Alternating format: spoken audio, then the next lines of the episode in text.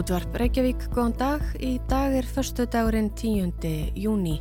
Katrín Ásmundsdóttir og Sunna Valgeradóttir hilsa. Þú ert að hlusta á fréttaþáttin Þetta helst. Íslenska ríkið hefur greitt skadabætur til fólk sem hafa gert ófrjótt án vitundar sinnar eða samþykis á grundvelli úrældra laga. Ófrjóðsemisaðgerðir hafa verið gerðar á um 60 íslenskum konum án þess að þar veittu fyrir því samþyggi er framkomi í skýslu sem lögða fyrir alþingi og hefur verið rivjuð upp núna í tengslum við ofbeldi sem Danir beittu grænleinskar stúlkur með getnaðarvarnaleikjunni. Í setni þætti þetta helst um umdeldar ófrjóðsemisaðgerðir verður rætt við sagfræðingin Unni Byrnu Kallstóttur sem vann skýsluna fyrir alþingi fyrir 20 árum síðar um ófrjóðsemisaðgerðir sem voru gerðar á Íslandi hér fyrr á tímum. Er eitthvað líkt með aðförum herraþjóðarinnar dönum gegn ungum stúlkum á Grænlandi og þeim aðferðum sem var beitt hér á landi fram til 1975 varðandi ófrjóðsemisaðgerðir á fólki sem ekki þótti æskilegt til undaneldis. Sunna talaði við unni og skoðaði skýrslunennar betur. Gott að muna, þegar Danir voruð að setja likjur í grænleiska konur voru Íslandingar ennað framkvæma ófrjóðsefnis aðgerðir á seinfærum konum án vitundar þeirra. Laugin voru afnumið 1975 en mögulega var eitthvað framhald eftir það. Nútíminn er yngri en við stundum höldum. Var skrifað á Twitter um helgina. Þrýr danskir stjórnmálaflokkar hafa krafist rannsóknar á því hvers vegna getnaðarvarnarleikjunni var komið fyrir í um 4500 grænleinskum unglingstúlkum allt niður í 13 ára á árunum 1966 til 1970. Korki stúlkurnar nýja fóreldrar þeirra voru látin vita og nú hefur danska ríkisútvarpið svift hölunni af þessu óskiljanlega ofbeldi með hlaðvarpseríunni Spiralkampanjan eða Likkunhegslinu. Danir segja að þetta hafi verið liður í átæki til að hæja á fólksfjölgun í landinu det var mest instrumenterne. Instrumenter, der skulle op i min livmor. Og det var ligesom knive, der kommer op. Þarna heyrði við lýsingar grænlenskrar konu á því hvernig lækningatæki skárust inn í hana þegar hún var 14 ára og likjunni var komið fyrir. Þegar Danir hófu likki uppsetningar voru um 9.000 konur á Grænlandi á badnegnaraldri.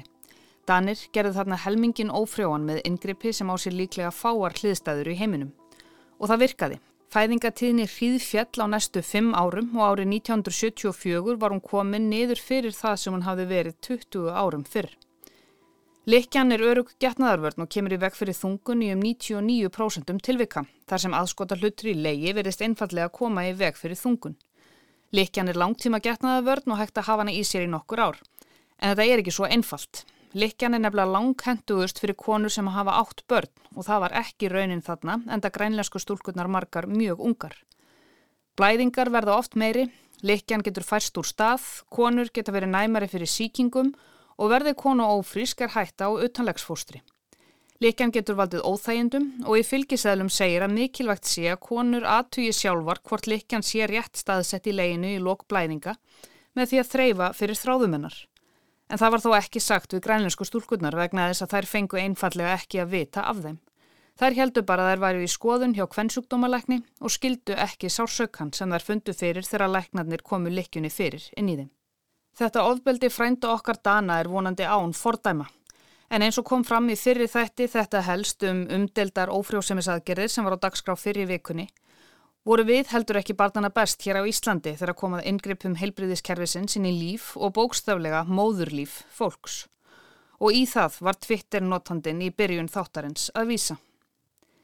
Sakfræðingurinn Unnur Birna Karlsdóttir þekkir vel til þeirra tíma. Hún vann árið 2002 yfirgripsmikla skýrslu fyrir alþingi um ófrjósemisaðgerðir sem gerðar voru hér á árunum 1938 til 75 á meðan fyrstu lögin um aðgerðirnar voru í gildi. Og skýrslan varpaði ljósi á margt. Við heyrðum í unni og báðum hana fyrstum að lýsa tilfinningum sínum gagvart ofbeldinu sem DR afhjúpaði á Grænlandi og hún undirstreykar strax að það sé alls ekki sambarlegt því sem var í gangi hér varðandi ófrjósemisaðgerðir á þróska eftum konum. Höldum okkur á Grænlandi um stund. Ég held að mín fyrstu viðbröð hafi verið að ég var alveg óbúslega hissa. að þessi leið hafi verið farin og eins og, er, og eins og þetta var gert. Einhvern veginn að leifa sér þessa aðferð, kakvart svona stórum hópi ungra stúlna og yfirleitt kakvart bara einni einustu, einni einustu það væri ómikið án þeirra vitundur á vilja og án samráðs við foreldra og ég vil að fara þessa leið. Ég var svo hissa að þetta er 70 eitthvað, þetta er 8. áratöður. Þetta er ekki 1940 eða eitthvað þegar þetta fyrirtanleikja var þá ekki komin en, en svona þessi bæði rosalega sexíska nálgun og herraþjóðar og rasísk held ég að við verðum að kalla það fyrir þetta náttúrulega hvern fyrirletningu. Danmörk er norrænt velferðaríki, maður hefði haldið að þeir færu færu þessa leið með kynlífsfræðslu fyrir unglinga, áróður, aðstóð, félagslega aðstóð og allir þessi teimi sem að dani voru jafnvel komin með þá. Já, þannig eins og ég segi, ég er bara alveg bytt, ég skil ekki dýt önum eða þeim sem þarna voru að vekja, það var látið sér þetta, í hug, mann getur auðvitað ekki stimpla allar dani í þessu samhengi. Árið 1938 voru ófrjósemisaðgerðir lefðar í lögum hér til þess að koma í veg fyrir fæðingu gallaðs afkvæmis eins og það var orðað. Í öðru lagi voru þær leifðar til þess að létta fávitum og sjúklingum lífsbaráttuna. Geta fólks til þess að sjá fyrir sér og sínum átti að vega jafn þúnt og hættan á erðagöllum þegar kæmi að því að meta hvort heimila skildi ófrjósumisaðgerð á fávitum, varanlega geðvikufólki og öðrum sjúklingum með alvarlega langvarandi sjúkdóma, eins og segir í greinargerðinu með frumvarpinu. Þar er því jafnframt bætt við að líkumáli gegnur um ofdrykju fólk með því að álitamál er um að af ofdrykju stafi erðahætta í eiginlegum skilningi. Leifi var veitt fyrir svonemdum afkynjunum í lögum sem var ætlað að spórna gegn kynferðisbrotum. Fjórir menn voru afkynjaðir á þessum árum, ástæðunar voru afbríðilegar kynkvatir, tilburðir til kynferðisglæpa eða endurteknir kynferðisglæpir. Tveir mannana voru skilgrendir sem þroskaheftir en hinnir tveir voru kvorki sagðir geðvikir nýja fáitar. Þú ert sagfræðingur og þú uh, ert væntalega ágætt í því að setja þig í spór fólks eftir tíðaranda. Skiluru að þessi nálgun hafi verið farin hérna í kringum 38 rétt fyrir setni heimstyrjöldina svona meða við uh, þá stefnu sem að var einhvern veginn í gangi í heiminum? Það er sögulegt samingi í því að það gerist. Norðurlandi voru búin að taka upp þessa lögjöf, það hefur greinilega þótt rétt og skilt að veita fólki bæði sumu þá að því þessu voru, þetta voru ekki bara sko þessi hlið sem okkur finnst vera á svo gráu svæði. Þetta var líka blessun og löst fyrir alveg bara fjöldafáls að fá að fara í ófrjóðsumisækjar. Þetta er fyrir tíma getnaðavarna og eins og kemur fram í minni skýrslu þá er flestar aðgerðna framkvæmdar á konun sem að voru bara bugast úr barnamerð og, og, og sjúkdómum og það er nú eitt af því sem maður hérna sér þegar maður rannsakar þessi gögn að baki þessum umsóknum um þessar aðgerðir hvað líf hvenna var alveg bara ofbáslega erfitt á þessum áratöfum áður en að pillan kom. Veist, við bara getum ekki ímyndað okkur það í dag. Eins og kom fram í fyrri þætti þetta helst um ófrúsemisaðgerðirnar var það Vilmundur Jónsson, þáverandi landlæknir og alþingismadur sem lagði fram frumvarp til laga á alþingi sem heimiliðu ófrúsemisaðgerðir á Íslandi. Unnur benti hér á að þó að fjölmarkar umdeldar aðgerðir hafi verið framkvæmdar á fólki á þeim tíma sem lögin voru í gildi, hafið þau fyrst og fremst verið mikill bjargráður fyrir barnmarkar fjölskyldur og þá sérstaklega konur. Á þessum tíma þarna rétt fyrir stríð var mikill stuðningur í vestrænum heilbriðiskerfum gagvart ófrjóðsemis aðgerðum og hinnum and félagslegu, ekki síður en á þroskaheftum og geðsjúkum. Þetta var hluti af neikvæðri arfbótastefnu sem engendist af hugmyndum um að hægt væri að draga úr úr kynnun og þá um leið að kynbæta þjóðir með því að hindra eða draga úr batnignum þeirra sem þóttu búa yfir lökum eða afleitum erða eiginleikum. En unnur fullir þér að Vilmundur hafi alls ekki verið á þeim buksunum. Vilmundur bað menna, hann látt sér ekki dætt í huga að tengja þetta eins og við nazisma eða eitthvað. Þetta væri velferðarúrræði fyrst og síðast og ætti ekki verið neitt annað og það væri halv annað að hugsa eitthvað rasist í þessu og hann var með alla fyrirværin í því en það var hann bara algjörlega hverki þar sem manneskja eða, eða politískur hugsuður eins og við vitum. Einn svip sterkasti einstaklingur, embættismadur, stjórnmálamadur og reythöfundur, sinnar tíðar, var Vilmundur Jónsson landlæknir. Samt er eins og maðurinn sjálfur hafi oft viljað vera utan við hið ofinbera svið. Hann lætur þess getið einhver staðar að hann hafi aldrei á starfsferli sínum setið veistlu og engar sögur fara af því að hann kemi fram í útvarpi. Í sapni ríkisútvarpsins er rött hans ekki að finna. Sagði Gunnar Stefánsson réttilega í þættinum af minnistæðu fólki hér á Rás 1 sumarið 2014.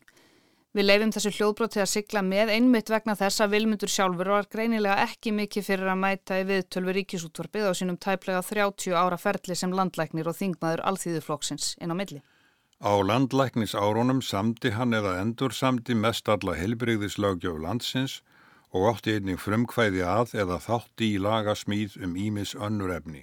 Og þessi laugjöf var ekkert umdöld á Íslandi, hún bara gekk í gegn og menn tóku henni bara bæði alþingi og embættismenn og læknar fagnandi held ég, af því hinn leiðin kannski sem að vilmyndur var að hugsa sem gerir stundum og voru til dæmis ástæðan fyrir því að hann samt í lögum fóstureyðingar, það var að fara að framkvæma jafnvel aðgerðir ólöglega, kannski vildi hann koma líka bara lögum yfir þessa tegund aðgerða hér á Íslandi af því það var búið að gera það í útlöndum, líka kannski til að sportna við hættunni að menn færi að taka sér eitthvað sjálfdæmi.